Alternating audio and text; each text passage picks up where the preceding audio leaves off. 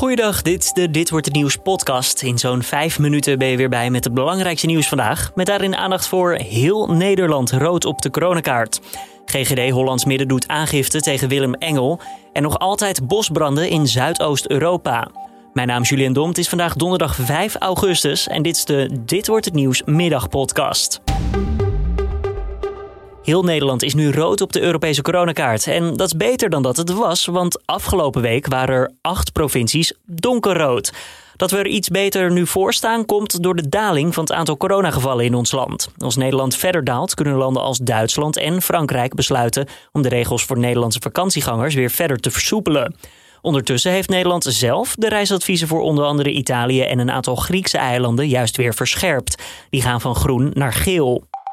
De vaccinatiegraad op Urk ligt een stuk lager dan in de rest van het land. 20 tot 39 procent van de volwassenen in het dorp heeft een coronaprik gehaald.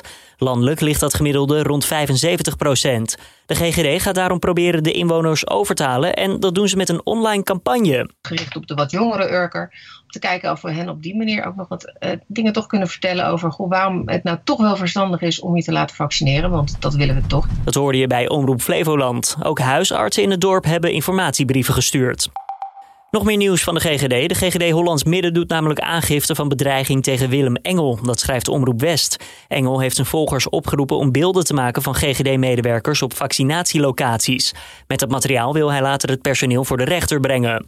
De Engel-volgers deden het ook. Bij een priklocatie in Lekkerkerk moest namelijk de politie ingrijpen, zodat de prikkers van de GGD gewoon hun werk konden doen. De GGD noemt dat intimidatie. En nog altijd veel bosbranden in het zuiden van Europa. Komt door extreme hitte daar. In Griekenland, Albanië en Turkije wordt met man en macht geblust. In Griekenland helpt ook het leger bij de bestrijding van het vuur. Donderdag zijn mensen van het populaire eiland Evia nog geëvacueerd. Daarover schrijven Griekse media.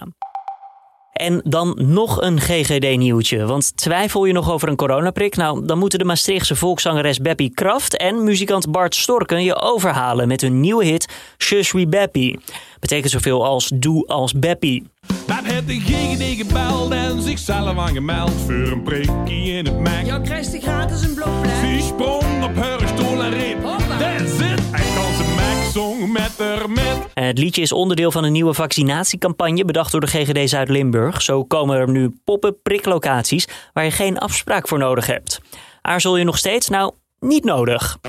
Er zit geen microchip in, was niet magnetisch, het ken alleen wel zin met gaat geluk. Laat ik prikken, just be happy. Ja, dat ben ik. En de vrijheid weer terug. Het hele nummer, inclusief videoclip, is te bekijken op YouTube.